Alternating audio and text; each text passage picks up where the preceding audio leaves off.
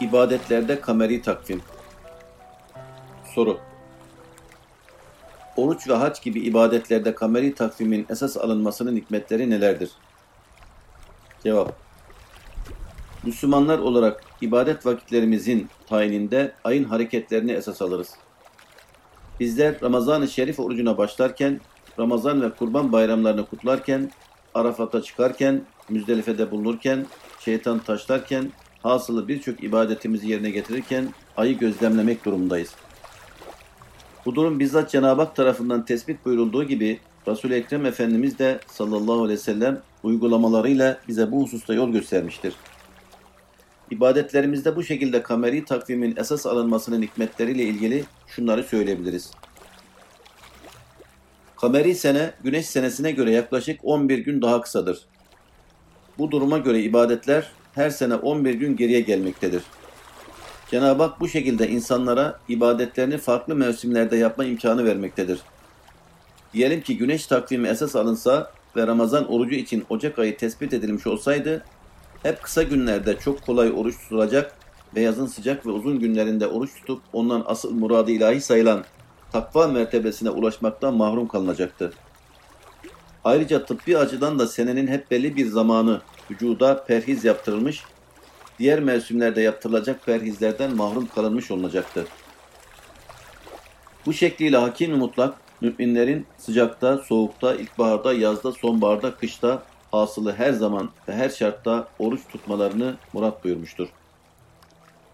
2. Oruç ve hac gibi ibadetler yapıldıkları zaman dilimlerine büyük değer kazandırırlar. Zira Cenab-ı Hak o zaman dilimlerinde rahmetini sağanak sağanak yağdırır. İşte kameri aylara has olan bu feyiz ve bereketten şemsi ayların, mevsimlerin ve iklimlerin de istifadesi adına Allah, ibadetlerin zamanını kameri aylara bağlamış, ancak onların da şemsi ayların arasında sürekli dönüp durmasını murat duymuştur. Böyle bir deveran olmalı ki hayatın her gününe Ramazan, Kurban ve Kadir gecesi rastlamış olsun. 3. Bu durumdan fakir insanların da istifade ettiği müşahede edilir. Zira zekat, sadaka, fitre gibi maddi yardımlar her 36 senede bir sene fazladan verilmektedir. Fakir bir insan şemsi takvime göre 36 sene yaşamış ancak kameri takvime göre 37 defa zekat almış olacaktır. Bu ve bunun gibi bilemediğimiz nice hikmetlerinden dolayı ibadetlerimizin vakitleri hususunda kameri takvim esas alınmıştır. Kutuplarda oruç Soru Evrensel bir din olan İslamiyet'in kutuplar gibi geceyle gündüzün çok değişken olduğu yerlerde nasıl oruç tutulacağı ile ilgili bir çözümü var mıdır? Cevap İslamiyet evrensel bir dindir. Bu sebeple kıyamete kadar her, de, her yerde yaşayan tekrar ediyorum. İslamiyet evrensel bir dindir. Bu sebeple kıyamete kadar her yerde yaşayan herkes için dini yaşama adına mutlaka geçerli bir çözümü vardır. Geceleri ya da gündüzleri aylar süren bu gibi yerlerde yaşayan bir mümin, ibadetlerinin zamanını tayin ederken gecesi ve gündüzü normal olan en yakınındaki beldelere tabi olacaktır. Mesela 3 ay gece devam eden bir yerde yaşıyorsa oraya en yakın olan gecesi ve gündüzüyle 5 vakit namaz kılınabilen bir yerin imsakiyesini esas alacak, ona göre orucunu tutacak, ona göre namazını kılacaktır. İmam-ı Şafii'den bu yana bu meselenin üzerinde durulmuş ancak vakada çok rastlanmadığı için fıkıh kitaplarında fazla yer verilmemiştir.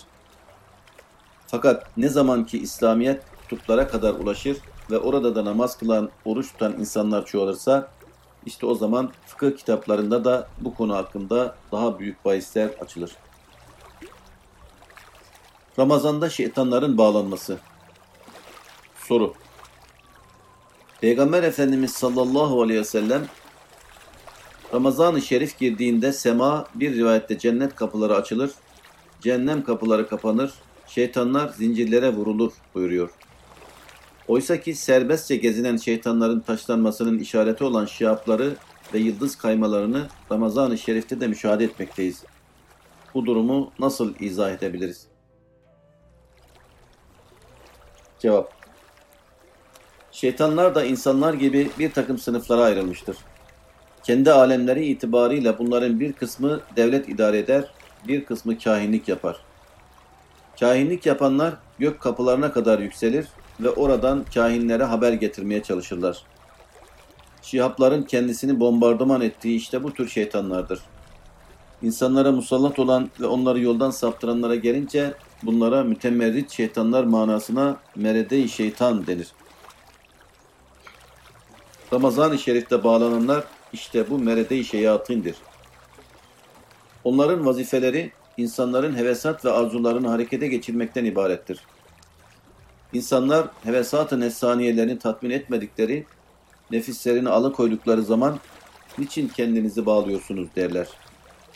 İşte Cenab-ı Hak şeytanların bu kısmını bağlar.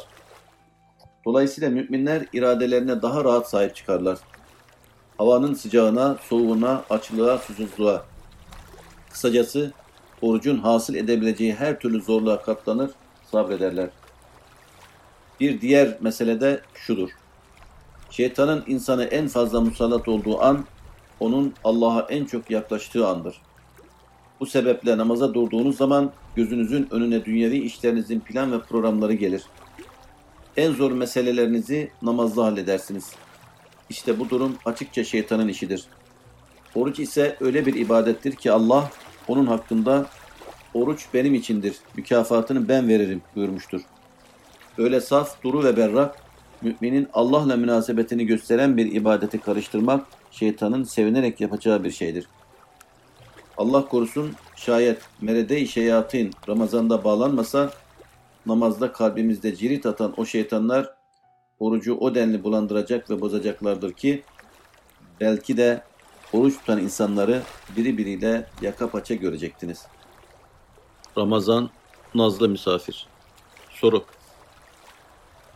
Ramazan'ın anlatıldığı makalelerin hemen hepsinde onun nazlı bir misafir gibi geldiğine vurguda bulunuluyor. Ramazan'ın nazlı oluşu ne demektir? Cevap. Nazlanma kendini ifade etme yöntemlerinden biridir. Çocukların anne babalarına, seven insanların biri birilerine nazlanmaları gibi. Nazlanan ile naz yapılan arasında bir sevgi varsa, naz yapmanın ve bu naza katlanmanın da bir anlamı vardır. Nazlanan kendisini bu şekilde ifade eder, nazı çeken de hissettiği sevgiden dolayı şikayette bulunmaz. Hatta bu durum aralarındaki muhabbet, ilgi ve alakanın artmasına vesile olur. İşte Ramazan ayı da müminin nazarında adeta nazlı bir misafir gibidir. Onu elinden kaçırmamak, gönlünü tam olarak yapabilmek için elinden geleni yapar. Ramazan-ı Şerif, mümin kulu Allah'a yaklaştıran bir gufran ayıdır. Ahirete bakan yönünü, alemi misaldeki, berzahtaki keyfiyetini tam manasıyla bilemiyoruz. Onun da Allah'a karşı kendini manen ifade ettiği bir dili vardır. Müminlerin kendisini nasıl değerlendirdiğini kendi dilince Allah'a arz etmektedir. Allah katında müminlerin lehinde şehadet edecek, şefaatçi olacaktır. Bu açıdan bir mümin Ramazan ayını tabiri caizse ne kadar memnun ederse o kadar kazançlıdır. Bunun için de Ramazan'ın gönlü edilecek nazlı bir misafir olarak düşünülmesi onu değerlendirme adına önemli bir mülahazadır. Aslında sadece Ramazan'a değil, Cenab-ı Hakk'ın hakkımızda takdir buyurup farz kıldığı her şeye saygı gösterirken bunların hepsini bir yönüyle bir misafir gibi görmeliyiz. Tıpkı sabah ve ikindi namazlarında nöbet değişimi yapan meleklerin eğer namazlarınızı kıldıysanız Allah katında sizin lehinizde şehadette bulundukları gibi ibadetler de kendi lisanlarınca müminin lehinde veya aleyhinde şehadette bulunurlar. Bu açıdan mümin ibadetlerin hepsini nazlı birer misafir gibi kabul etmeli, onları hakkıyla eda etmeye çalışmak suretiyle gönüllerini yapmalıdır. Ramazana hazırlık Soru Abdest, ezan, kâmet vesairenin namaza hazırlık mahiyetinde ameller olduğu ifade ediliyor. Aynı şeyi Ramazana hazırlık mahiyetinde Recep ve Şaban ayları ve bunlarda yer alan kandiller hakkında düşünebilir miyiz? Cevap Ramazan-ı Şerif mübarek ayların üçüncüsü olarak vaaz edilmiştir. birincisi veya ikincisi değil de sonuncusu olarak tayin edilmesinde biraz da böyle bir mülaza vardır. Recep ayıyla birlikte müminler manevi bir atmosferin içine girdiklerini hissederler. Bu atmosferin yoğunluğu Ramazan'a yaklaşıldıkça artar. Hele Ramazan'ın son 10 günü zirveye çıkar ve insan orada adeta melekleşir. Cismani hazlardan sıyrılır ve kendisini tamamen ibadete verir. Bu zirveyi elde edebilmek için Recep ve Şaban aylarını ve bu aylarda yer alan mübarek geceleri ve gündüzlerini iyi değerlendirmek, onların feyiz ve bereketinden azami derecede istifade etmek gerekir. Efendimiz sallallahu aleyhi ve sellem Ramazan'a hazırlık mahiyetinde Recep ayının girmesiyle birlikte tuttuğu oruç ve yaptığı ibadetleri artırmıştır. Hele Şaban ayının neredeyse tamamını oruçla geçirmiştir. Bize yol göstermesi ve örnek olması açısından Peygamberimizin bu tavrı önemlidir. Mümin Ramazan'ın kıymetini idrak edebilmişse elbette ki daha o gelmeden önce hazırlık yapacak, ona gönül dünyasında yer hazırlayacaktır. Bu şekilde maddi manevi hazırlanarak karşılanan bir Ramazan ise çok farklı değerlendirilecektir. Bizler Ramazan'ı gün gün nasıl değerlendirdiğimizi ahirette hakkıyla görüp hissedeceğiz. Tuttuğumuz orucu, kıldığımız teravihi, teravihteki yorgunluğumuzu, aç susuz kalışımızı hepsini tanıyacağız. Bunlar öbür alemde oranın hususiyetleri çerçevesinde karşımıza çıkacak. Ramazan'ın ve sair ibadetlerin hakkını vererek değerlendirmeye çalışanlar, Cenab-ı Hakk'ın bu dünyada amelle şereflendirmesine sevindikleri gibi, ötede de bu amellerin mükafatıyla şereflendirmesine sevineceklerdir. Gelecek Ramazan'ı iştiyakla bekleme.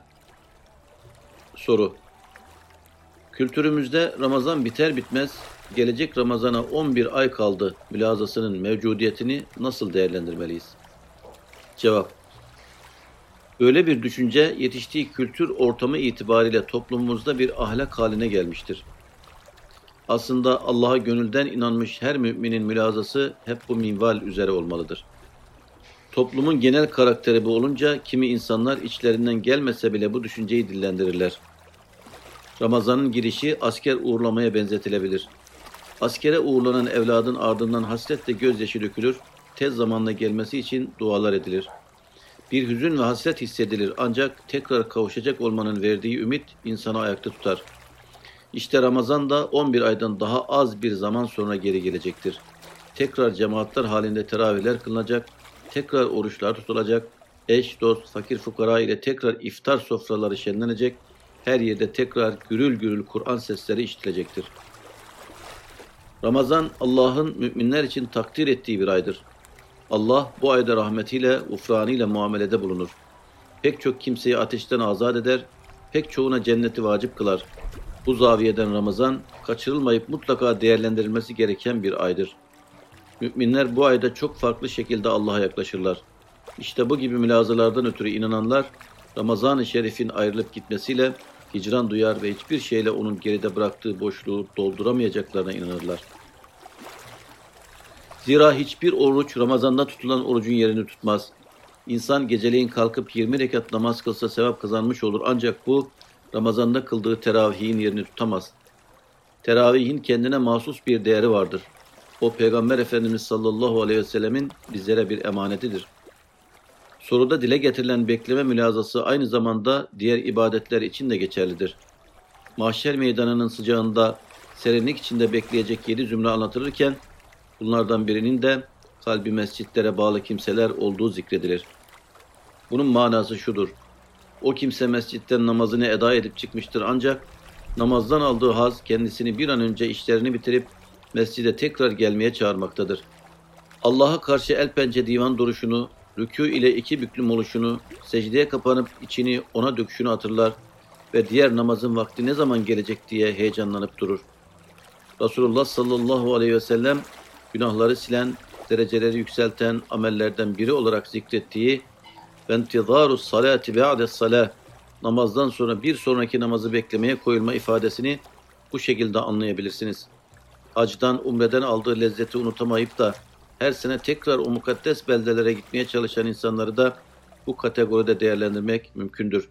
Hasılı yukarıda zikretmiş olduğumuz mülahazalardan ötürü her bir mümin Ramazan ayının bitmesiyle birlikte bir hüzün, bir hasret hisseder ve gelecek Ramazan'ın bir an önce gelmesini diler, dilemelidir.